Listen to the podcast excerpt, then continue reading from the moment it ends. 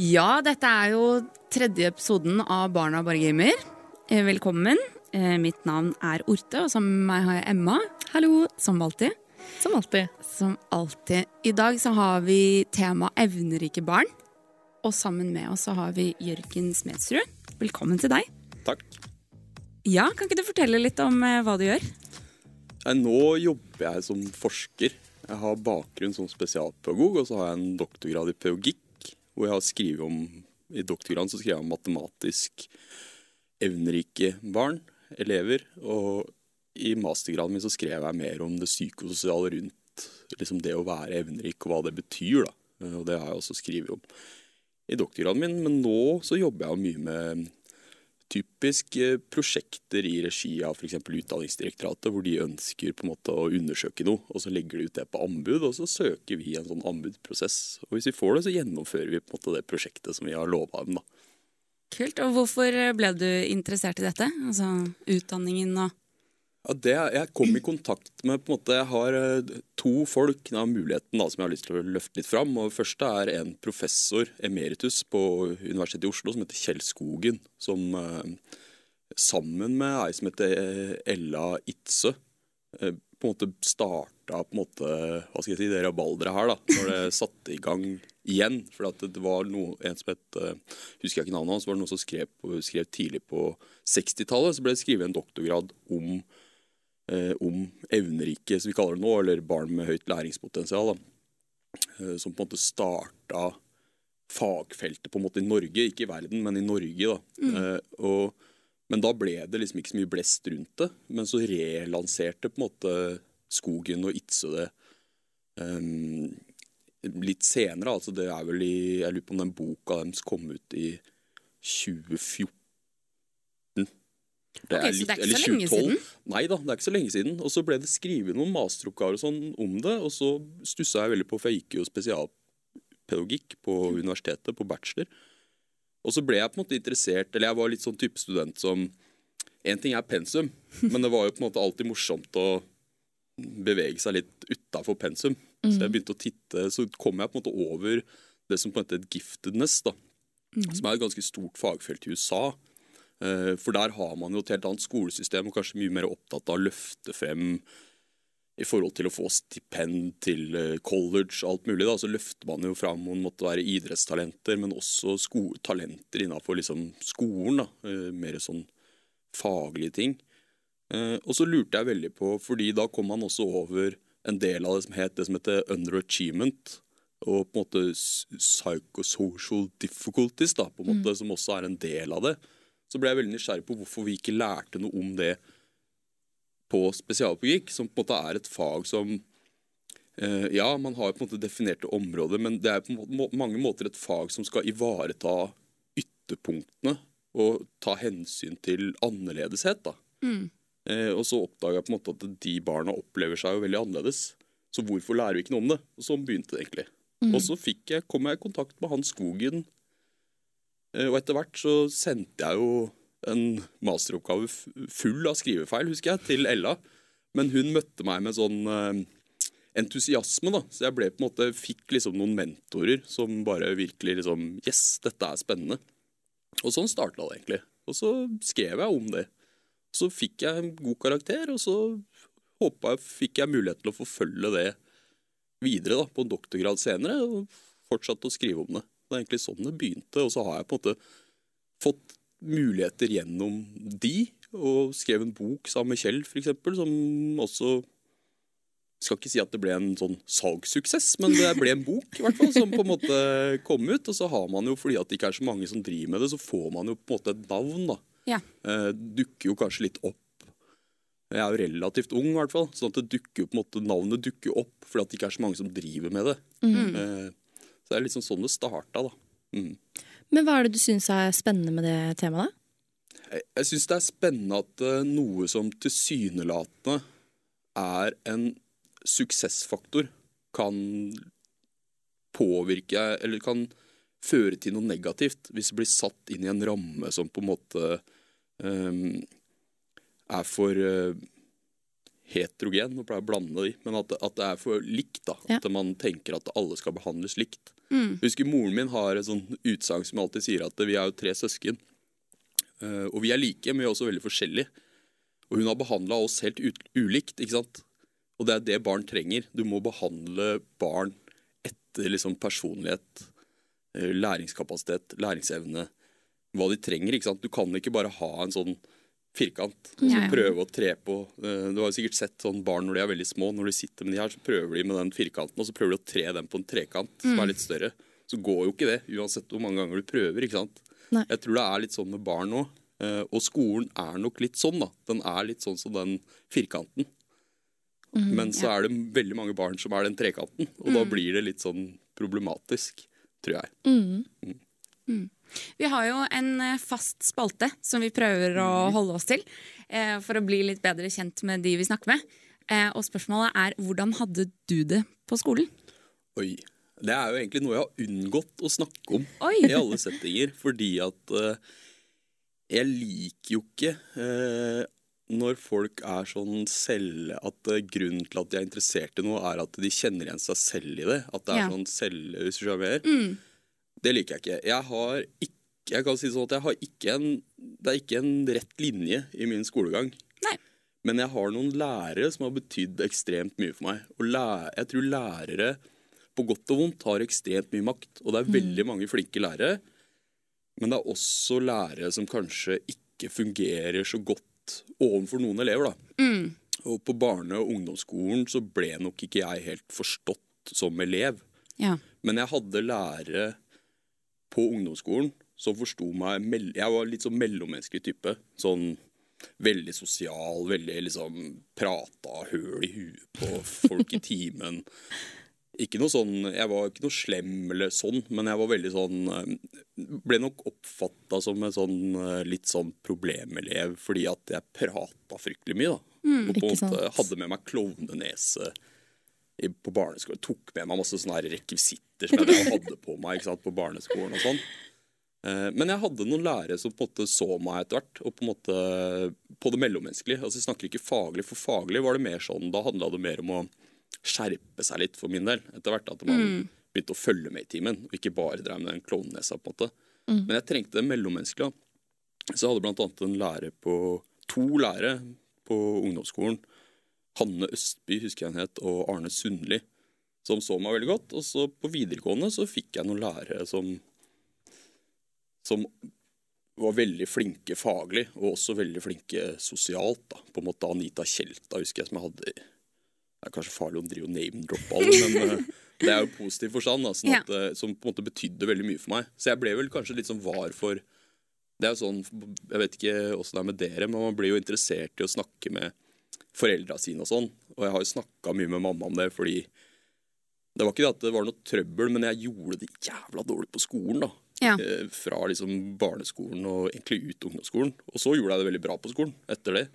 Så jeg snakka liksom mye om hvorfor det. Og for meg så handla det mye om det å liksom modnes, tror jeg. Mm. Litt sånn sein modning, kanskje. da. ja. At, eh, men på videregående så kom jeg i gang. Da begynte liksom hjula å tikke, da.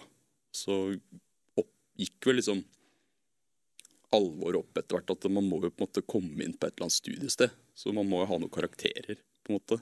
Så det var litt den veien det gikk, da. Men, men jeg har aldri tenkt at jeg befinner meg selv innafor den elevgruppa som jeg snakker om nå, for eksempel, Ja. Hvis det er det som på en måte Det har aldri vært noe jeg liksom har tenkt noe over.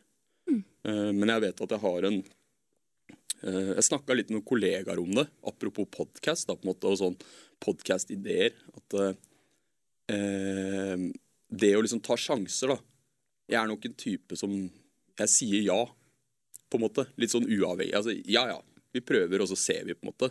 Og det hjelper deg jo på en måte hvis du opplever mestring. Så hjelper det deg jo. Hvis du ikke får de der negative Hvis du, hvis du opplever at det går stort sett bra, så blir jo det en sånn selvforsterkende greie. At da sier du ja neste gang òg, ikke sant. Uh, og det er nok en sånn personlighetsgreie som har hjulpet meg litt. da. Ja. Eksempel å sende oppgaven min til hun Ella, da, som var en professor den gangen. ikke sant? Noen ville jo kanskje tenkt veldig mye før de gjorde det. Jeg bare sendte den, og så gikk det fint. ikke sant? Og så tenkte man ja, ja, da gikk jo det fint. Og det har nok hjulpet meg i en del sånn utdanningssettinger senere. da. At eh, jeg sier heller ja og prøver enn å ikke prøve, Mm. på en måte. Ja, men Det er veldig kul egenskap, egentlig. Å bare hoppe ut i det. Ja, så tror jeg, det, jeg tror det hjelper deg altså jeg, tror det, jeg tror det er en risiko ved det òg, hvis du på en måte bommer. Mm. Altså Hvis du opplever mye motstand når du gjør det. Men så for min del så har jeg på en måte bare opplevd positive ting med det. Og da blir det veldig selvforsterkende, for da gjør du det neste gang òg. Og så går det bra, stort sett bra. Så da, ja ja, da prøver du det neste gang òg. Skrive en bok, aldri gjort før. Prøver og ser åssen det går. ikke sant? Ja, det gikk greit. Fikk det til, på en måte. Og det, jeg tror vel også det er sånn apropos barn i skolen, så tror jeg også det er jo liksom en av de viktigste tinga som skolen på en måte kan bidra med, er nettopp å gi de mestringsopplevelsene til barn og elever. ikke sant? At de opplever læring, at de opplever at de får til ting. Mm. uavhengig av hvilket nivå det måtte være på, så handler det på at de skal ha positive opplevelser med å mestre noe. Om det er koding, matematikk, fysikk, hva det måtte være, så handler det om at eh, Og det er jo mye beskrevet i psykologien, at eh, du trenger positive mestringsopplevelser for å få initiativet på en måte til å mestre, da, for å si det på en veldig, veldig forenkla måte. Men for det motsatte er jo mer sånn selvoppfyllende profeti, hvor du opplever ikke mestring. Og så tør du ikke prøve etter hvert. ikke sant? Du bare unngår å prøve. Og så kanskje du til og med utvikler skolevegring fordi at du på en måte det blir så stressende for deg å skulle forholde deg til det du ikke mestrer. Så du bare unngår det totalt. ikke sant? Og det er den motsatte sida av det. Eh, Så jeg har nok vært heldig med Men det tror jeg er personlighet, rett og slett. Ja. Ja. Mhm. Men du snakker jo om uh, hva lærerne dine betydde for deg da du Mm. gikk på skolen. Tror du at lærere betyr enda mer for evnerike barn, eller hva har den relasjonen å si? Jeg tror ikke de betyr noe mer. Det tror jeg ikke. Men jeg tror de betyr det samme. Mm. Jeg tror læreren har akkurat like mye makt, på en måte, om du skal bruke det begrepet, over de elevene som andre elever. Eh, eh, det som jeg tror eh, altså Man kan jo skille mellom på en måte typer evnerike elever. Da. Men hvis du tenker at det er en veldig høytpresterende elev som er evnerik, så tror jeg nok at det ofte kan føre til at de kanskje ikke, ironisk nok, ikke blir sett så godt. Nettopp fordi at du har så høy måloppnåelse. Så tenker man jo Hvis vi tenker på karakterskalaen, for eksempel, så er jo den egentlig veldig kunstig. Ikke sant? At du får en sekser i et fag, betyr jo egentlig bare at du har full måloppnåelse. Men det sier jo ingenting om du kan mer eller ikke, eller om du kunne lært mer eller ikke. ikke sant? Sånn at eh, hvis du har en elev i en klasse som du vet har full måloppnåelse i et fag, så er det kanskje ikke den eleven du henvender deg eller Ja. stimulerer veldig mye, for at du tenker at den eleven får det jo til. Ja. Så fokuset blir kanskje retta mot en elev som eh, trenger hjelp til å komme seg opp, f.eks. til å bestå et fag, eller trenger altså hvis man snakker ungdomsskole, videregående, eller, eller trenger å oppnå eller trenger å lære seg å skrive, lese, ikke sant. Eh, eh, så jeg tror nok at eh, på en måte så tror jeg nok de elevene som har veldig høy måloppnåelse, gjør lite ut av seg sånn eh, fysisk eh, Er ikke noen bråkebøtter. De blir lite sett nettopp fordi at man opp, de, de skaper heller ikke så mye støy, Nei. på en måte. Men likevel så er det ikke sånn at de ikke trenger å bli sett, eller få de utfordringene. Nei. Nettopp. Og det er det som på en måte er at eh, Det er jo det jeg også mener med den karakterskalaen som er litt kunstig, at de har jo samtidig det behovet for å bli sett, ikke sant. Og for å få kanskje de til og med er så gode i historie at de har en sekser, men de kjeder seg dønn i hjel. sant? De syns det er dritkjedelig å sitte den timen. Mm. Og det syns jeg er interessant igjen med den der firkanten, på en måte. da. For da passer ikke den firkanten. Da burde de eh, ja, vært et annet sted, på en måte, eller fått noe ekstra stimulering. For at den Det er noe jeg har blitt mer og mer interessert i. For at det har jo vært en sånn herre greie man har snakka om, at det å kjede seg er sunt. At barn skal liksom lære seg å kjede seg. Det er en sånn greie. Mm. Og ja, til en viss grad så er det jo klart at du, du skal ikke liksom bli stimulert hele tiden. Men det å kjede seg over tid, da, det blir jo en sånn affektiv, negativ følelse som fører til eh, at du får det dårlig psykisk. Ja, og skolen er vel ikke en arena man skal kjede seg på? Nei. Nei, akkurat det. Eh, Helt enig. Skolen skal jo Altså, skolen er jo Og det er jo også den Når de barna her da, som vi snakker om nå, er veldig små, så de gleder seg til å begynne på skolen. ikke sant? Ja. De, de ser jo mange av de ser jo kjempefram til å begynne på skolen og liksom skulle lære, møte en lærer som kan masse, som de kanskje tenker er sånn Det er jo sånn kunnskapsorakel som jeg bare kan tømme for alle de rare spørsmåla jeg har om alt mulig. Men så er det ikke alltid det de møter, på en måte. Da. Uh, og det er jo ikke på en måte Jeg er veldig varsom, fordi det er ikke lærerens skyld. Fordi læreren skal jo forholde seg til 30 elever pluss noen ganger. ikke sant? Sånn at eh, Og veldig mye handler jo om, hvis du ser på offentlige styringsdokumenter, så handler det veldig mye om tidlig innsats, lære å lese og skrive, grunnleggende ferdigheter, ikke sant? som er kjempeviktig. Men hvis alle de ferdighetene er på plass, så blir det veldig kjedelig å måtte forholde seg til grunnleggende ferdigheter, på en måte. Ja, absolutt. Mhm. Men vi har egentlig ikke vært inne på det. Hva er evnerike barn? Det er Jeg, jeg så jo en podkast dere, og da tror jeg svaret var at dere starta med det vanskeligste spørsmålet. Det tok litt lengre tid her, da. Men eh, det er ikke Det er jo ikke et eh, det er ikke et svar på det. Jeg, ikke for å gå veldig dypt inn i forskninga, men en av de papersa mine i doktorgraden handler nettopp om det. At det er ikke et eh, Det er ikke en diagnose, da, for eksempel, for å ta det perspektivet. Sånn at du kan ikke på en måte sette noe sånn der slags kriterier for at eh, enten er du innafor eller utafor. I tillegg så er de her skalaene er jo på en måte Det er veldig lite meningsfullt. For eksempel så er jo i veldig mange modeller så er jo intelligens en viktig variabel, som en av flere ting som, som er et tegn på at du er evnerik. Og jeg kommer vel litt fra den, det perspektivet at jeg mener at intelligens er en viktig faktor uh, Ja. hos de elevene. på en måte, Og hvor høy det, høyt det måtte være. og sånn, Det er ikke så, på en måte, så Det er et interessant spørsmål, men det er ikke så interessant, hvis du skjønner. Altså, for det er ikke så viktig.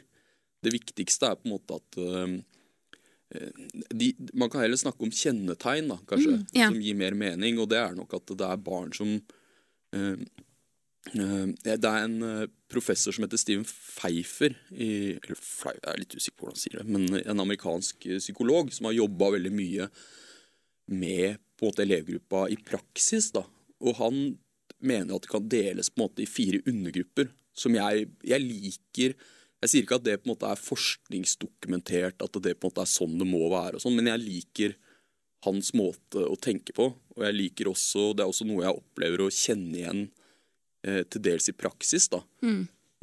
når man intervjuer elever eller når man møter barn i den kategorien, eller prater med foreldre. Jeg også prater med en del foreldre via e-poster. Noen ganger er jeg kanskje litt for tilbudssida. Det er sånn der, apropos å være ja-menneske, at jeg roter meg jo inn i noen ting innimellom som jeg på en måte tenker sånn Hvorfor, hvorfor er jeg her? Jeg burde ikke vært med på det her. på en måte. Men Sånn det- som dette her. Nei, nei, nei, det, nei er ikke det her, men det er mer at man, man er jo i på en måte det å på en måte ha en tittel som forsker, for eksempel, det fører også til at du får litt makt. ikke sant? Sånn at Hvis du plutselig befinner deg i en setting hvor du er med noen på en skole, og så skal du på en måte være en slags sånn um, representant for den ene eller andre Ja. så er jo det egentlig Så kan man jo tenke seg at der burde jo ikke jeg vært. Man blir veldig var på hva man sier, for at man vet også at man har mye makt. Ja. Men han Pfeiffer da, han sier i hvert fall det at eh, det er liksom fire undergrupper av det man kan kalle evnerike eller elever med stort læringspotensial. Vi er jo ikke enige om hva vi skal kalle det engang. Så det her er jo et eh, eh, Det er et fagfelt hvor eh, jeg vil oppfordre alle masterstudenter til å skrive om det her. For det er om, ja.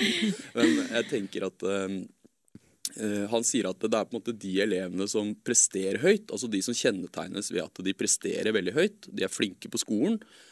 De er på en måte det en lærer kanskje vil kalle en veldig behagelig drømmeelev. Mm. Så er det de elevene som eh, kjennetegnes ved at de har veldig høy intelligens. Eller den, liksom, den delen av fagfeltet som kjennetegnes ved at man forstår elevene gjennom et sånt intelligensperspektiv. Ja, Når du sier intelligens, hva, helt rent konkret, hva er det? Er det IQ? Er det EQ? Er det en felles EQ er ikke eh, en variabel intelligens. Nå skal jeg passe meg for å liksom kaste inn som brannfakler, men så vidt jeg vet, så har man ennå ikke på en måte klart å operasjonalisere EQ som, et, mm. som en måleenhet, i hvert fall. Altså, Ja. Jeg tror vi alle er enige om at uh, for eksempel Innenfor autismespekteret så snakker man jo theory of mind. og sånn, sånn at det her med, med å forstå sosiale settinger er jo selvfølgelig kjempeviktig. Men, men det er jo ikke Det er ikke en del av en IQ-test, på en måte. Eh, Så, så intelligens er først og fremst Intelligens kan man liksom dele altså, Her er det jo folk som har mye mer peiling enn meg. eh, Og jeg vil jo på en måte unngå å bli arrestert. Men sånn veldig forenkla så kan man dele intelligens inn i flytende og krystallisert. Hvor den flytende intelligensen kan man kanskje beskrive som mer sånn måten man tenker på. Uh, måten man løser en oppgave på. Hvordan angriper man en problemstilling. Mens den krystalliserte intelligensen handler mer om hva du kan. Ja. Hva du har lært. Sånn at hvis du uh, Det er jo typisk sånn uh, For å prøve å beskrive på en måte Så Hvis man har et barn for eksempel, som har vokst opp i et krigsherja land, da, så de har liksom ikke hatt tilgang på kunnskap, så er det på en måte den flytende intelligensen som er interessant. For Ja. at det å måle hva de har lært, det gir ikke helt mening. Mm. Eh, Så for å på finne ut hvor de ligger i landskapet, så er det mer interessant å prøve å finne ut av den flytende intelligensen. Da. Hvordan de tenker, hvordan de angriper en oppgave. Mm. Hvordan, logi, hvordan de liksom logisk angriper noe. Ikke på en måte hvor mye matte de har lært. Hvis du skjønner mener. Ja. Veldig forenkla. Ja. Og så er det jo gjort på en måte masse studier. Altså du har jo eh, liksom det banebrytende var vel eh, Eller banebrytende, altså det som skjedde Det skjedde vel på 20-tallet eller 40-tallet. Sånn at det, det ble jo utvikla masse intelligenstester, men så fant jo en ut at de samvarierte. Altså de underkategoriene av intelligens samvarierte. Og sånn oppsto den flytende og krystallisert. Da, for det var på en måte to kategorier som alle intelligenstestene viste seg på en måte å predikere det samme, på en måte. da. Og så oppsto de navna. Eh, intelligens er jo i seg selv kjempespennende å snakke om. For det er jo også til dels kontroversiell. Noe som jeg, jeg syns er fascinerende at intelligens er så kontroversielt. Fordi at det er forska veldig mye på, og det er et veldig valid måleinstrument. Da. Og, det bru, altså, og det brukes jo veldig mye eh, rundt omkring, også i Norge til dels, men i hovedsak for å kartlegge det man vil anta er svakere elever. Da. Sånn at eh, jeg er litt fascinert at intelligens er så kontroversielt. For jeg syns liksom ingenting er så kontroversielt. Man må jo kunne liksom diskutere alt mulig, tenker jeg. da. Men, eh, ja. Men jeg syns begrepet stort læringspotensial er litt fint. Mm. For, altså, Potensialet er jo et fint ord. Det handler jo ikke så mye om hva elevene allerede har av kunnskap, men mer hvordan, hva de kan utvinne da, av det utgangspunktet de har. Absolutt. Men du nevnte at det var fire stykker. ja, da har vi vært innom to. Ja. Ja. Da og da er da tredje gruppe er det man kaller for sånn Uh, Han kaller det for sånn blue, Eller jeg husker jeg ikke akkurat hva han kaller det for, men det er på en måte sånne bloomers. Kall det kanskje jeg var litt sånn, da. Ikke sant? At uh, du på en måte Du gjør det egentlig ikke noe bra, og du scorer ikke heller høyt på en intelligenstest. Men plutselig, da, så kan de blomstre med rett tilrettelegging. Møter kanskje en lærer som betyr mye. Han kaller det for sånn unpolished diamonds in a rub. Ja. At det er de elevene som læreren får litt sånn hunch på, som er sånn Det er noe med Knut, men jeg skjønner ikke hva det er. Men det, han, er, det er, han er en sånn type, på en måte. Eller hun Ida er en sånn type. Jeg får litt, men jeg får ikke helt tak i hva det er. Og du kan like lett kanskje med de elevene tenke at det er en svak elev. Men så plutselig så får de noe som passer de, eller man klarer å tilrettelegge for de, og så blomstrer de. Fullstendig, da. Men kan du kjenne deg litt igjen i den beskrivelsen? Ja. som også var litt sånn klovn eh, på skolen, og så fikk litt tilpasning som eh, hjalp? Ja um, Jeg husker at um, jeg fikk uh, Altså, jeg har gått på Steinerskolen, og på Steinerskolen så får man en sånn et hefte på slutten av året i hvert fag der det står en lang beskrivelse om ditt potensial, hvordan du er i klasserommet, hvordan du oppfører deg. Og liksom, mamma bladde i dette heftet hvert år og var sånn Orse, vi må snakke om dette. I på hver enkelt side så sto det 'Orte har et potensial'. Hun må bare slutte å prate i timen. For jeg også var så glad i det sosiale, var så ekstrovert. Så jeg var så veldig opptatt av de ved siden av meg at jeg liksom klarte ikke å holde fokus. Jeg tror ikke jeg har noen konsentrasjonsvansker heller. Det bare Jeg var så interessert i alt annet, da. Men uh, senere Jeg tror kanskje det du snakker om, dette flytende og krystalliserte eh, Jeg fikk ikke med meg så mye på skolen. Eh, men de senere årene så har jeg oppdaget at jeg har ganske enkelt for å tilegne meg ny kunnskap. Ja, altså det å undersøke hvordan eh, ting funker, syns jeg er veldig spennende. Mm. Så jeg har jo tatt en, eh, en programmeringsgrad ved siden av jobben bare fordi ja, man må vite hva man eh, lærer bort til disse barna, men også fordi jeg har oppdaget at det er veldig, veldig spennende, egentlig. Eh, For det er en sånn logikk bak det hele, og man skal kommunisere med en datamaskin, og hvordan funker det egentlig, osv. Så, videre. så jeg syns det var veldig spennende det du sa om flytende og krystallisert eh, intelligens. da. Mm. Og det, bare for å gjenta, så det er veldig valid. Altså, det er det veldig mye forskning Ja. uh, som tilsier. Mhm. Eh, og jeg syns det er veldig interessant uh, det sosiale, for det kjenner jo jeg meg litt igjen i. At det var kanskje andre ting enn skolen som var interessant. da. Ja. Ja. Det var mye morsommere å prate med folk enn å drive og skulle lære noe. på en måte. Mm. Um, Men det er akkurat som du sier at hvis man hvis man er heldig og har forutsetninger, så kan man liksom hente seg igjen. da. Ja. Og vi, er, vi mennesker er jo på en måte ikke Nå prater jeg jo som om jeg er liksom 80 år og ser tilbake på livet, men det er jo liksom ikke strømlinjeforma. Sånn at, eh, at man har sånne opp- og nedturer, eller opp og nedturer at ting liksom endrer seg. da, og Man blir mer voksen, man modnes, man skjønner kanskje på et punkt at eh, ja, det er jo smart å ta noe utdannelse, selv om det kan være kjedelig til dels. Så er det jo smart, for at det hjelper deg jo på en måte Mm. seinere. Og Ja, hvis man og- da har forutsetningene, så, så kan man bare gjøre det, ikke sant? Mm. Det er det som kanskje Ja. Ja, og man snakker jo eh, nå iblant om livslang læring. Eh, og det å bytte studieretning eller Altså, vi, vi eh, utdanner oss bare i en viss mengde år. mm. Og så fortsetter vi å leve helt uten noe på, påbygg. Det syns jeg er veldig spesielt, egentlig. Eh, hvis du er lege, så utdanner du deg som lege. Så jobber du som lege. Kanskje du tar noen kurs, eller eh, du spesialiserer deg på et eller annet tidspunkt, men du bare Det skjer ikke noe mer, da. Nei, nei. Det, ja, det er, det er sant. På mange måter. Jeg håper jo på en måte at hvis du lærte om blodtapping i legeutdannelsen din, at du på et eller annet punkt tar et kurs som sier at det er ikke noe smart lenger. Vi har liksom funnet ut at eh, det er ikke sånn man helbreder syfilis, liksom. Men, men, så det er jo Jeg håper det skjer noe utvikling. Men et, kanskje det har litt sånn med yrker òg.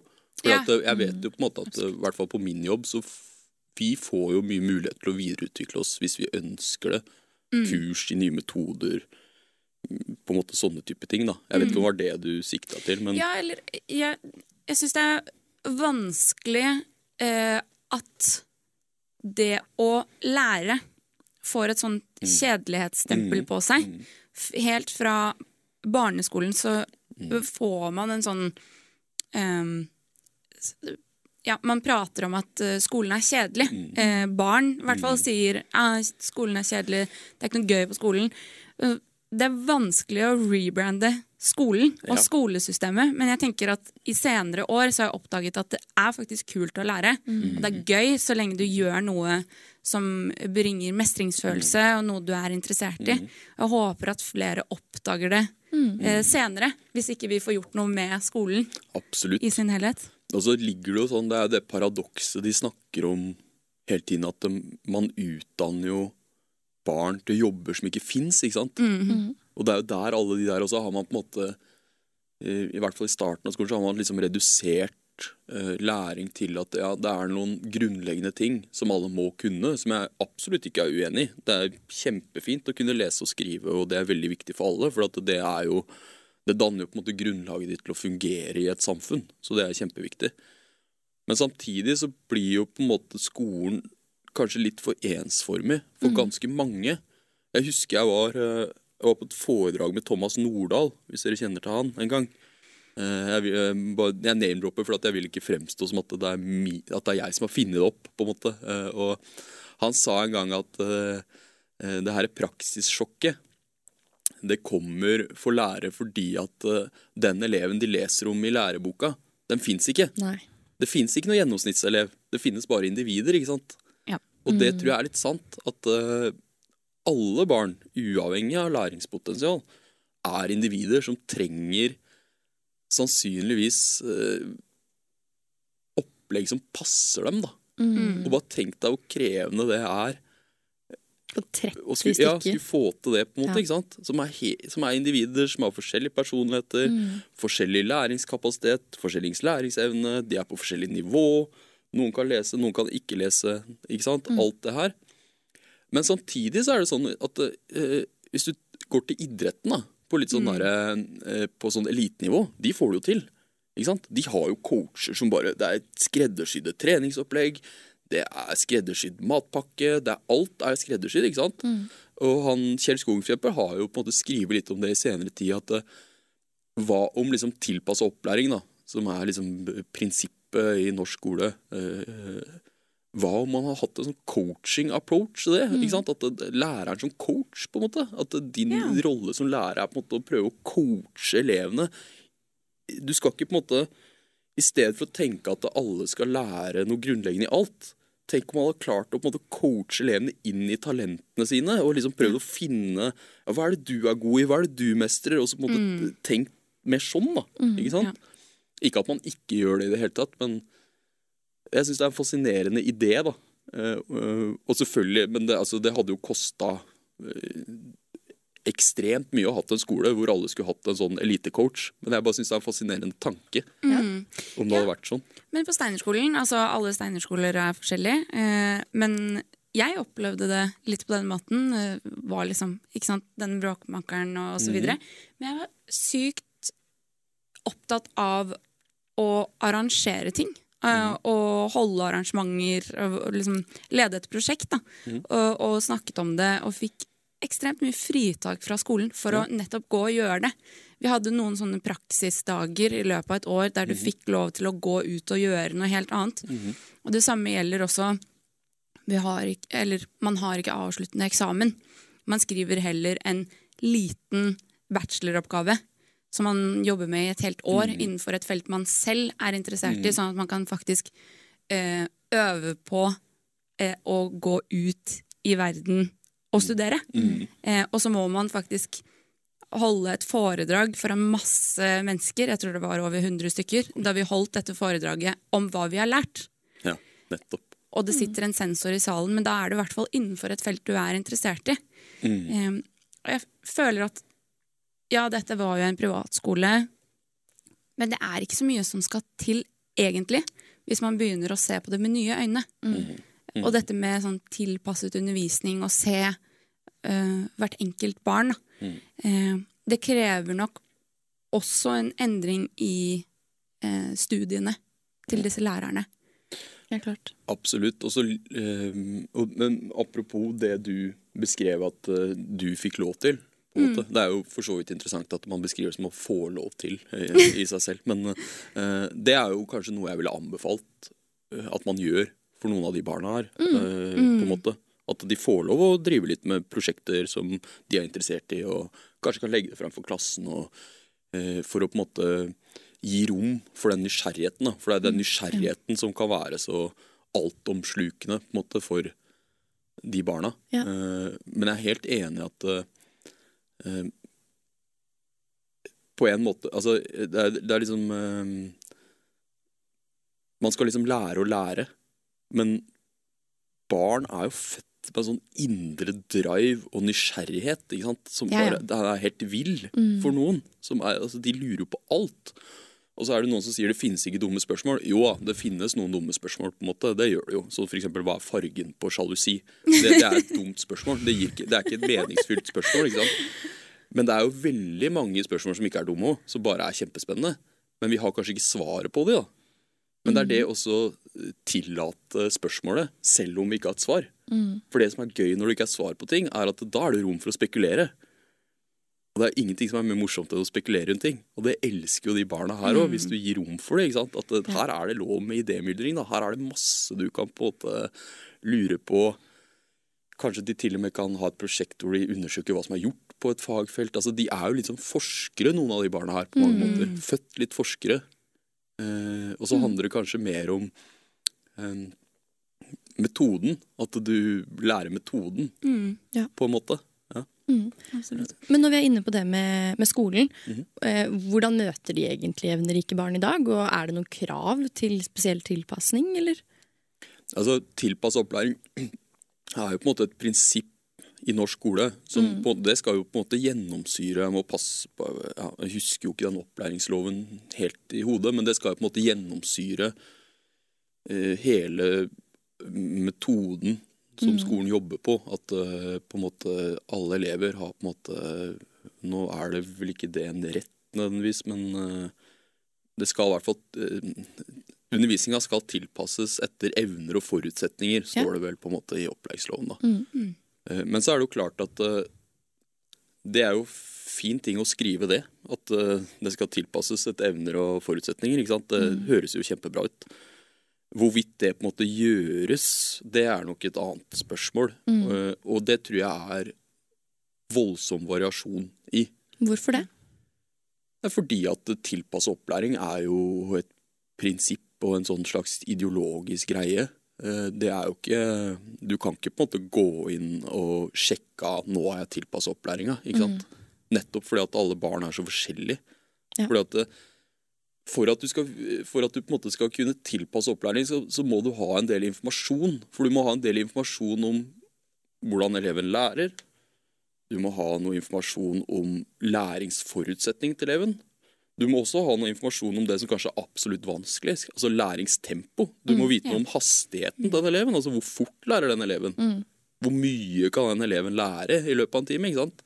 Det tror jeg er veldig Det har jeg heller ikke noe redskap for å innhente informasjon om. Nei. Bortsett fra at man tenker at hvis man har høy intelligens, så har man kanskje en litt høy kapasitet til å ta inn læring. Mm. Og så må du ha tid. Du må ha ressurser. Du må ha kompetanse. Altså, du må ha nok kompetanse i det faget til at uh, de elevene vi snakker om nå, da, for at hvis du har en elev som Bare tenk deg at du er en lærer i matematikk på barnetrinnet, men så har du en elev som kan mer enn deg. Mm. Hvordan skal du tilpasse undervisninga faglig da, hvis den eleven kan mer enn deg? Jo, det som er naturlig å gjøre da, er at du gir, da gir du kanskje matteboka på høyre trinn, da Mm. eller en mattebok som er ment for eldre elever. Men er det å tilpasse undervisninga når vi snakker om de andre tinga? Nei, det er jo bare å gi vanskelige oppgaver. Den eleven trenger jo fortsatt støtte og veiledning i hvordan man angriper de oppgavene. Det er ikke sånn at du, selv om du har et høyt læringspotensial, så forstår Det er ikke sånn at du bare da automatisk forstår alt du leser. på en måte. Det er ikke sånn det fungerer. Du må trenger fortsatt støtte, veiledning. Det blir jo litt tilbake til det vi snakka om de elevene som presterer veldig høyt. Altså, de blir kanskje ikke sett nettopp fordi at de presterer høyt. ikke sant? Ja. Uh, og, så det der er superkomplekst. Ja. Uh, og noen lærere, eller sikkert mange lærere, for at jeg har ikke oversikt over norsk skole, men mange får nok det her til på en veldig god måte. Men samtidig så er det litt sånn tilbake på at det er en fint eh, Det er liksom en fin ting å si at alle skal ha tilpassa undervisning, men eh, Mm. Det er kanskje ikke så konkret, på en måte. Nei. Nei, det blir jo Og det, det her henger jo sammen med inkluderingsprinsipp. Og norsk skole er jo, norsk skole er jo, det er jo Vi har jo et fantastisk skolesystem.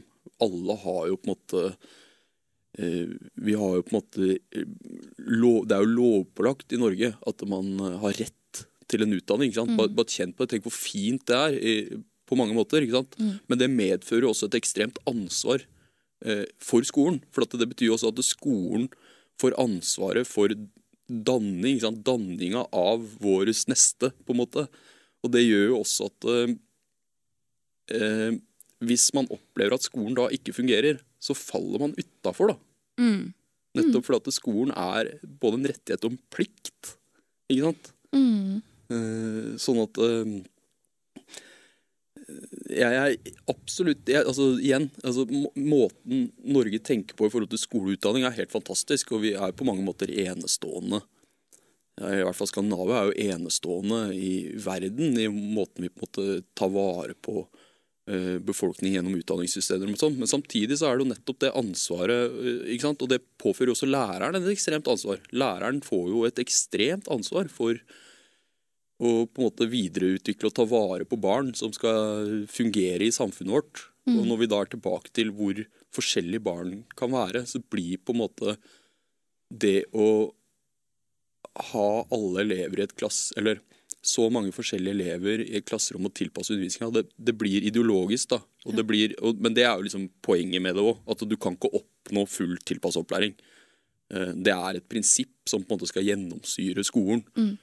Sånn at du vil jo aldri Du vil aldri Du kan jo eh, du kan på en måte si at uh, i ett klasserom så er det bedre tilpassa opplæring enn et annet klasserom. Det kan du si. Men du kan aldri si at i det klasserommet her så har vi løst tilpassa opplæring. Mm. Her er det liksom Det målet er nådd. For det er på en måte et mål som ikke går an å nå. Det er en, en ideologi, på en måte. da. Ja. Ja. Mm. Men for å dra oss tilbake, mm -hmm. som er min jobb Vi har svart på tre av de fire mm. forskjellige. Hva er den siste?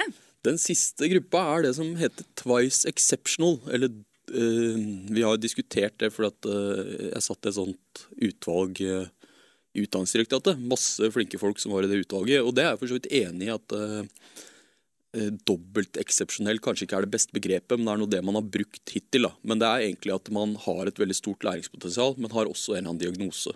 Om det måtte være dysleksi Nå bruker man vel ikke Asperger-begrepet lenger, da, men om man er på autismespekteret Eh, om man har ADHD, eh, ADD ja. Eh, ja, At mm. man har en eller annen tilleggsdiagnose. Og de elevene Hvis man liksom skal lage et hierarki mellom de fire kategoriene, så er det jo på en måte øh, kanskje de dobbelt eksepsjonelle og de her late bloomersa som jeg personlig er mest bekymra for. For ja. de tror jeg vi vet altfor lite om. Og jeg tror de går under radaren, som Kari Kolberg, som er en veldig flink eh, lektor, sier. De er liksom under radaren. Vi får ikke Vi fanger ikke de opp. Vi har ikke redskap til å fange dem opp. Eh, vi vet ikke hvordan de har det i skolen. Nettopp fordi at de identifiseres ikke gjennom sånne tradisjonelle ting. Eh, for det er ikke sikkert de scorer høyt på intelligenstesten, ikke sant. Mm. Så kartleggingsverktøyet fanger de ikke opp. Kanskje de til og med har eh, de kanskje de til og med har en diagnose. Så det blir et veldig fokus på diagnosa, at de får masse tilrettelegging på den diagnosa. Men så har de kanskje også et høyt læringspotensial som de ikke får utløp for. ikke sant? Mm. Så, så, hvis jeg på en måte skulle Jeg er opptatt av alle, men hvis jeg på en måte skulle lufta en bekymring, så er det nok de to gruppene jeg er mest bekymra for. For jeg tror ikke vi fanger de opp. Og vi har ikke noe god forskning i Norge heller på eh, på de gruppene òg. Så vi vet ikke hvordan det går med de. Og det Nei. er ikke helt bra. Nei. Tenker jeg. Men foreldrerollen, da? Eller hvis man har barn man tenker har et stort læringspotensial, hva krever det av foreldre å følge opp de barna? Eh, det tror jeg er et vanskelig spørsmål. Det er jo alltid litt sånn her, ironisk når en som ikke har barn, skal uttale seg om Tre stykker? ja, ja, diskutere hvordan foreldre skal ta vare på barna sine. Men jeg, jeg tenker jo det at eh, jeg tror de foreldra får hunch ganske mm. fort på at uh, dette Jeg har en pode, liksom, som uh, er glad i å lære ting. Stiller mye spørsmål kanskje etter hvert. Kanskje man lærte seg å lese og skrive tidlig. Men så har man ikke alltid referanserammene. ikke sant? Spesielt hvis det er førstefødte. da, Så har man ikke nødvendigvis referanserammene til å vite altså, eh, er dette tidlig, eller er det normalt? ikke sant? Mm. Det er ikke alle som sjekker opp det, men det er mer sånn at man registrerer ja, nå begynte begynte Ida å prate, på en måte. Men ja, da var det i gang. Mm. Og så sjekker man liksom ikke sånn, tenker ikke noe over om det tidlig eller ikke. Og så tror jeg på mange måter at de stiller mye spørsmål. Mm. Foreldrerollen blir jo på en måte å følge opp, og jeg tror også den foreldrerollen kan være ganske krevende til dels. For dette er jo barn med mye energi, mange av de, ikke sant. Ja. Eh, så jeg tror ikke det alltid er det kommer jo selvfølgelig an på personlighet, men jeg tror ikke det alltid på en måte er så enkelt å forholde seg til. Og så tror jeg at det kan i enkelte sammenhenger oppstå problemer i møte med skolen. Det tror jeg. Mm. På flere nivå. Um, og det handler litt om at mange av de kan mye før de begynner på skolen. Og så handler det litt om at skolen kanskje ikke helt har verktøya for å møte den elevgruppa. Så de barna utvikler et veldig uheldig forhold til skolen. Mm. Og så utvikler foreldrene et konfliktfylt forhold til skolen. Og så blir det en sånn litt sånn dårlig runddans på en måte. Eh, en historie som heller ikke min historie, men jeg klarer ikke å huske navnet på den som fortalte det første gangen. Det er jo ei jente som lærte seg eh, ironi, eller eh, ironi og litt sånn sarkastisk undertone da, i, i barnehagen. ikke sant? Ironi er en veldig kompleks eh, sosial form å ha. For at det krever jo både at du leser på en måte mottaker, og du må jo gjøre det med en viss sånn glimt i øyet, på en måte, sånn at, eh, de får, at det ikke blir tatt som ordrett. da. Men, så hun drev jo liksom og testa ut det her i barnehagen med barnehagepedagogene. Eh, men ble jo oppfatta som at hun var eh, kjempeufin. ikke sant? Ja. Hvor er det det her kommer fra? Hun var jo, ikke, hun var jo for ung til å mestre den form for sosialt samspill. ikke sant? Det passer, firkanten, det passer ikke inn i firkanten. ikke Nei. sant? Og da ble det ble en barnevernssak ikke sant? etter hvert. Eh, Fordi at da mente Ja, hvor kommer det fra? Jo, det må jo komme fra foreldrene. Det må jo være foreldrene som driver og lærer hun å, å oppføre seg sånn mot folk. ikke sant? Det her er jo, Hun må jo ha det helt forferdelig hjemme.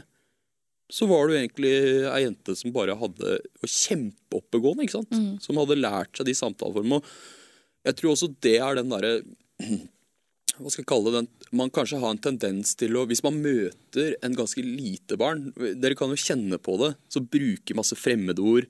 Prater på veldig fin måte. Har et ordrepertoar som er sånn derre eh, Liksom forsker i en sånn barnekropp, og så tenker du sånn Hvorfor bruker du de ordene? Så møter dere på skolen, så er det sånn derre Hva er det som foregår hjemme der? Prater de sånn, ikke sant? Men så er det egentlig det barnet som er kjempeinteressert i sånt. ikke sant? Det er ikke noen som har påført det, det er noe de utvikler selv. fordi at, eh, som du sier, da, de er nysgjerrige. De er nysgjerrige på hva ord betyr. De er nysgjerrige på forskjellige ord. Så de, eh, men da tror jeg man kanskje generelt, og den tendensen ligger i meg òg, så det er ikke noe kritikk av, av noen. Det er mer eh, Jeg tror konflikter kan oppstå på den måten nettopp fordi at du tenker sånn Dette var jo litt sånn der ubehagelig barn. På en måte prater på en måte som er sånn Og veldig voksent. Altså, er du, er du, tar du deg sjøl så høytidelig når du på en måte er går i andre klasse, hvis du skjønner. Da. Og den tendensen tror jeg ligger i oss alle, på en måte. Ja, Ja. Hvis, jeg vet ikke om det eksempelet ga mening, men jeg tror Men jeg kan relatere til litt av det du sier, og det med å liksom passe inn i den boksen. Jeg husker mamma fortalte at eh, jeg gleda meg så mye til å starte i første klasse, og så ble jeg så skuffa etter eh, et par uker. For det var så kjedelig. Og jeg kunne jo allerede det de lærte. Og ikke før vi begynte i tredje klasse og lærte engelsk, så begynte jeg liksom å få litt utfordringer. Eh, men, og da husker jeg også at jeg endte med å bli ekstralærer i klassen. Fordi jeg var ferdig først. Da kunne jeg gjerne gå rundt og hjelpe de andre. Og sånn holdt det på ja, til syvende klasse. Eh, og den eneste tilpasningen jeg fikk eh, Nå er jeg ikke sånn veldig god i matte, men hadde litt sånn språkøre, da, god i lese- ja, skrivefag. Eh, I fjerde klasse så fikk jeg lov til å hoppe opp til femte klasse og ha norsk med de, jeg og to andre elever. Og det var det morsomste halvåret jeg har hatt på grunnskolen. Eh, helt fantastisk, og vi bare blomstret og koste oss. Men så tok det slutt, for det, det passa ikke helt inn i systemet. At vi skulle henge foran de andre.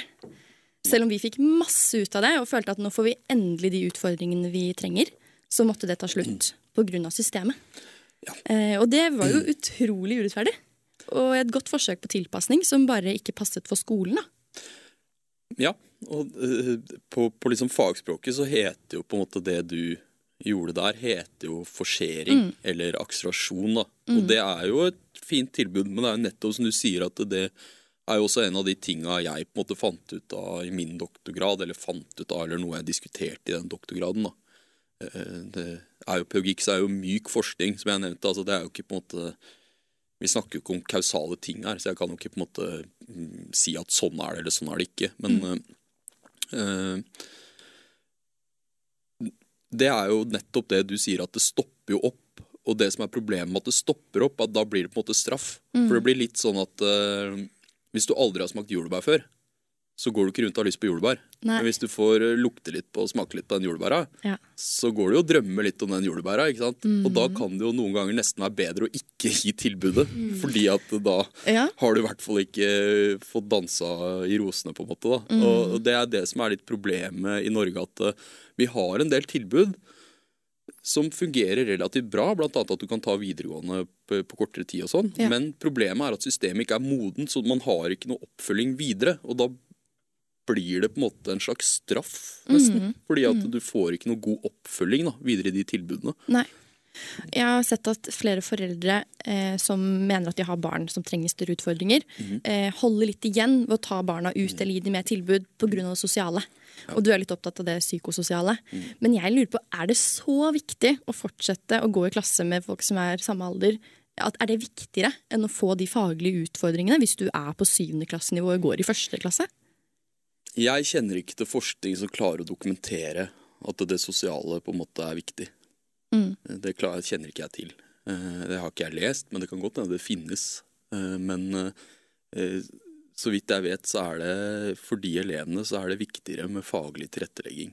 enn Hvorfor at det? De, det er nettopp fordi at det er, skolen er en arena for læring, og den fineste måten å se elevene på er å tilpasse undervisninga til de elevene. Det er også en måte å vise at du bryr deg om elevene på. At du gir de den eh, gir de eh, utløp for det læringsbehovet de har. Så de elevene vil jo også føle seg sett. Um, og så er det jo også sånn at um, hvis du på en måte f.eks. er veldig intelligent, så kan det også være at du ikke passer så godt inn sosialt i den klassen du er. Nettopp fordi at du kanskje rett og slett er på et høyere nivå sosialt òg. Om du kan si sånn, høyere nivå blir feil å si, men at du har andre interesser da, enn klassekameraten din. ikke sant? Ja. Uh, og så kanskje du rett og slett passer bedre inn i, i den klassen over. Um, så det er jo noe som heter sånn Big Pond Little Fish-effekt, som er en sånn mye studert greie. Eh, Men da snakker vi om da snakker vi ikke om det å forsere et klassetrinn, da snakker vi om sånne tiltak som liksom er skreddersydd for, sånne, for elever med stort læringspotensial. At du, eh, det blir jo sånne mm, Det har jo vært opp til diskusjon, og jeg kommer ikke på norskordet, kanskje dere husker det, sånn ability groups, altså sånn mm, ja, At man grupperer liksom elever etter eh, evne, da, eller nivå. nivå. Nivå Nivådeling. Ja. Så er det jo eh, den Big Pond Little Fish-effekten. Den beskriver på en måte at eh, det å være en, en eh, Å være en veldig sterk elev i en vanlig klasse medfører også at du får At du har god selvtillit. Da, for at du på en måte Elever har jo veldig god peiling på hvem som er flinkest og best i klassen. Men når du samler de flinkeste elevene, så kan det jo være at den eleven er den dårligste av de flinke elevene. ikke sant? Og da kan det ha en slags sånn negativ sosial effekt. At du mister på en måte den um, eh, At den speilinga av det andre gjør at du plutselig, selv om du er kjempeflink, så er du dårligst av de flinke. Og derfor så på, gjør det på en måte at du opplever deg selv som mindre flink, på en måte. da. Eh, Men så er det på eh, Den effekten er veldig sterk hvis du har sånn kort eller veldig sterk er ta i, og for så vidt litt rart å snakke om effekter. Og, men det er, jo, det er jo forskning som tar hensyn til effekt, så det gir jo mening å snakke om effekt. og Vi snakker om effekt i en pedagogisk kontekst. sånn at uh, effektmålet blir jo ikke sånn som i fysikken. på en måte, altså Det er jo litt det, sånn Pedagogisk forskning er, det er jo veldig komplekst å snakke om effekter, og det er heller ikke mitt eh, Det er ikke sånn jeg har forska, så det er det folk som har mye mer peiling på enn meg om akkurat hvordan man måler de effektene. Men den effekten i hvert fall, den er større hvis det tilbudet varer kort. Men hvis det tilbudet varer over tid, over ganske lang tid, så blir den effekten utvaska. Nettopp fordi at de da møter likesinna. Sånn at det sosiale blir jo veldig ålreit, for at det er folk som er interessert i det samme. ikke sant? Og de er kjempeinteressert i faget. Kanskje de er veldig kreative. ikke sant? Så de, sånn at det, sånne korttids eh, Det er jo for så vidt en slags ironi ved opplæringsloven. kommer jeg på nå, er det at sånne kort, Jeg tror du kan må si med ditt forbehold, men jeg tror du kan se, igangsette tiltak over kort tid. Det tror jeg du har hjemmel i opplæringsloven på, men det kan ikke vare over tid, da, som er på en måte sånne type tilbud på en skole. Men så er det jo nettopp over lang tid som ville fungert best, og ikke over kort tid. For at eh, over kort tid så blir det kanskje litt sånn som du snakka om, at du smake litt på den jordbæra, og så blir det borte igjen. Nei, så blir det på en måte straff, da. Mm. Eh, eh, sånn at eh, Ja, nå prater jeg meg kanskje litt bort, men eh, det er jo interessant i en sånn pedagogisk kontekst at eh, hvis man skulle gitt sånne tilbud, så må de følges opp, og de må vare over tid. Og de skal helst også på en måte ha en slags sosial arena. Og det er jo, hvis jeg skal reklamere litt for noe, så er det jo et talent, talentsentrene i Norge. eh, Det har man jo, som er et tilbud til elever med stort læringspotensial. Eh, Nå husker jeg ikke navnet hennes, men annet hun som har ansvaret for det oppe på oppe på, i Oslo, altså på Teknisk museum, er kjempedyktige. Og de har jo en helt annen tilnærming til måten de arbeider på, enn både skolen har mulighet altså, For det er litt viktig å snakke om det òg, for at det, eh, skolen har rett og slett ikke mulighet til å ha en sånn tilnærming. Sånn at det på en måte Det har jo noe med ressurser å gjøre. Eh, um, og der kan det jo være at det ligger en sånn sånn effekt, ikke sant? For at der deltar jo elevene Det er vel kanskje da utvida, men jeg mener å huske at det er åtte eller tolv samlinger over et år. da. Men arbeidsmetodikken deres er jo helt fantastisk ikke sant, for de elevene her. For at de, det de gjør, er jo at de kombinerer Det er jo realfag, da, så det går i på en måte, men de kombinerer jo på mange måter fagfelt. Og hun har jo lagd noen sånne oppgaverebuser, er kjempeopplegg, da. Eh, Men de, for eksempel, så er det sånn innenfor matematikk da, så er det sånn, og fysikk så er det sånn at du eh, For eksempel så beregner du eh, på papir hvordan en bro kan konstrueres. ikke sant? Hvor mye den tåler. Hvordan, altså, det er forskjellige typer broer. ikke sant? Det er hengebru, det er altså, ikke sant? Men så tester du det jo. Du hypotesetester. Du bygger broa etterpå. ikke sant? Det elsker jo de elevene her. Mm. Og da finner du veldig fort ut at ja, men dette funka ikke. Hva er det som har skjedd her hvis den broa ikke tåler det vi beregna at eh, den skulle tåle? Og det er jo også noe jeg fant ut i et Eller s- diskutere i en av mine studier, er jo nettopp det at de elevene jeg prater med, beskriver det som praktisk matematikk, men de mener ikke praktisk i den forstand at det er lett matematikk, men det er mer det at du eh, hypotesetester på en måte ting du beregner, og du setter det ut i virkeligheten. da. Syns veldig mange av de Ja. her er spennende. At, Den eh, håndfast med. ja, nettopp. Ja, og at du At du uh, Hun ene jenta jeg intervjua, eksempel, hun beskriver matematikk som et språk. At det, det er et språk som beskriver virkeligheten. Og det er jo egentlig en For det første så er jo det stemmer jo veldig godt. Altså Vi lever jo i en verden som har på en eller annen måte lar seg beskrive gjennom matematikk, som er helt fantastisk og veldig rart. At du kan regne på når det er solformørkelse Altså du kan liksom legge inn Det var vel en sånn halvsolformørkelse i går. Du kan legge inn alle mulige variabler, så kan du på en måte kalkulere deg fram til å beskrive universet vårt på veldig mange måter. Det er jo egentlig helt sprøtt at det er sånn, hvis man begynner å tenke over det. Um, men de liker jo veldig godt å jobbe på en måte altså De tenker jo på matematikk som, som hun gjør, da, som et språk som beskriver virkeligheten. Og da er det noe med å både regne på ting, men også liksom teste ut ting i virkeligheten. Da. Og mm. det er det de mener med det praktiske. Og det er der jeg også tenker at det, ikke alle, men noen av de elevene her er liksom forskere. De syns det er gøy å på en måte eh, Og hvor mye rom? Hvis man tenker sånn barneskolen og sånn, altså hvor mye jobber man egentlig sånn? eh, på en måte. Og jeg tror også veldig mange lærere skulle ønske at man kunne jobba sånn. Men det er ikke ressurser og rom for å jobbe på den måten. ikke sant? Eh, og det er litt tilbake til jeg snakka om det å lære seg metodene og ikke innholdet. ikke sant? At eh, jeg tenker at eh, For de barna her så er det veldig spennende å lære metodene. Og innholdet kommer litt av seg sjøl for noen av de, ja, på mange måter. Ja. Ja, for hvordan går det med evnerike barn senere i livet? Vi har jo snakket litt om hvordan, det, hvordan ting foregår på skolen, men hva skjer etterpå? Um, ja, altså, da må jeg liksom spekulere litt da, Ja. i det. Men det tør jeg, så det er ikke noe problem. Men jeg, jeg tror at uh, for mange så tror jeg det går greit, uh, på en måte. Eh, Uh, og så er det også eh, studier som tilsier at eh, noen utvikler et trøblete forhold til eh, Norge, liksom, da, som system, om du kan kalle det sånn. da. Oi. Eh, Han Kjell Skogen, for eksempel, som jeg nevnte i stad, gjorde jo en sånn case-undersøkelse. Det tilsier at det er veldig få informanter, men du dypdykker veldig i de informantene. Og da prata han jo blant annet med en som han antar var liksom den mest evnerike av de, da, om du kan si det sånn. På en måte, Det er en rar ting å si, for så vidt, men øh, Og han øh, levde på velferdsstaten i Thailand-land øh, og kosa seg, på en måte. Og hadde bare utvikla en sånn forakt for norsk skole og norsk skolesystem, fordi han følte seg så lite ivaretatt.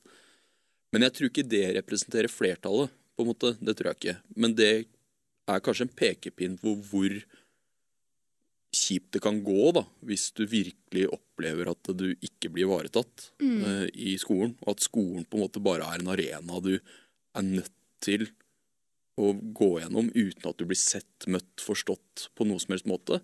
Ja, Så tror jeg også at det, annet via at eh, Ella og Kjell og, og meg selv for så vidt, da, på en måte fokuserer mer på det og har liksom Så tror jeg også at eh, øynene åpnes litt mer. At det, jeg tror det har blitt bedre, da. Men eh, jeg tror også at eh, for Vi er jo litt inne på foreldre, så tror jeg også at noen foreldre kanskje var et sånt barn selv. eh, Og kanskje hadde det litt kjipt på skolen. Og så forstår de kanskje det når de møter sitt eget barn. Når de ser hvordan det har det, så begynner de å lure på ja, Kanskje det ikke var at jeg var en problemelev. Kanskje det var noe annet som var årsaken til at jeg opplevde skolen så kjipt. Mm. Og så begynner de å reflektere over sin egen skolegang. Og så skjønner de at grunnen til at jeg syns skolen og sånn var veldig kjip, det var jo fordi at jeg kanskje hadde et stort læringspotensial. Det var ikke det at jeg var trøblete i den forstand, om du kan si det sånn. Eh, Ja, så Hvis du skulle ha gitt noen eh, sånn siste tips på en måte til foreldre som har eh, barn med store læringspotensialer, hva ville det vært? Eh, Hvis vi tenker i møte med skolen, så tenker jeg unngå konflikt. Ja. Vær raus, på en måte, og la sk Norske lærere er flinke. Prøv å tilnærme dem på en måte som gir rom for eh, å prøve å feile. For det må man ha rom for. Altså i feile, Da mener jeg ikke feile i sånn voldsom forstand, men eh, gi lærere rom til å eh, forstå elevene sine, og prøve å videreformidle eh, informasjon om barnet ditt, at det, kanskje, at det har stort læringspotensial og kan ha behov for tilrettelegging. Men prøv å unngå konflikt, og prøv å samarbeide fremfor å havne i opposisjon. Da. Det tror jeg er et veldig Eller tror jeg er lurt da, i møte med skolen. Eh, Og så tror jeg på en måte at dere snakka litt om å holde igjen. Det Ikke holde igjen. La, bar, la de utvikle seg, la de lære, eh, på en måte, fordi at eh, det er jo også litt Jeg skjønner hvor, hvorfor foreldre tenker sånn. Fordi at man eh, er jo redd for at skolen ikke har noe å lære de, at skolen skal bli veldig kjedelig. Men eh, hvis personligheten og læringsforutsetningen til barn er 'jeg er nysgjerrig', så man må ikke dempe det. Det er jo en fantastisk egenskap, ikke sant? så man kan ikke Og det, og det å liksom lære et barn at måten du Det å være interessert er på en måte feil, det, mm, det tror jeg man skal prøve å unngå, da. Mm. Men jeg tror man må prøve å komme i dialog med skolen på en god måte. Og ikke gå inn med en forutsetning om Det er jo på en måte, hva skal jeg si, mye forskning på er negativ innenfor det fagfeltet her, hvor man liksom konkluderer med at norsk skole um, ikke fungerer for de elevene her. Men jeg tror ikke man skal gå inn med det utgangspunktet. Jeg tror man på en måte skal gå inn med et utgangspunkt om, om at eh, vi kan få til det her sammen, på en måte, og prøve å unngå i konflikt. da. Så høres jo det fint ut selvfølgelig på papiret, og litt svevende, men eh, jeg tror det er lurt, for at hvis man havner i konflikt, så kan det bli veldig trøblete. på en måte. Ja, ikke sant. Ja, men eh, tusen takk eh, for denne gang, eh, og en fin prat. Så håper jeg at eh, vi får litt mer orden på dette. Ja, Takk. Ja, takk. Har du spørsmål, tanker, ris, ros, ta kontakt på podkast at learning.no. Barna bare gamer er produsert av Kubriks for Learning.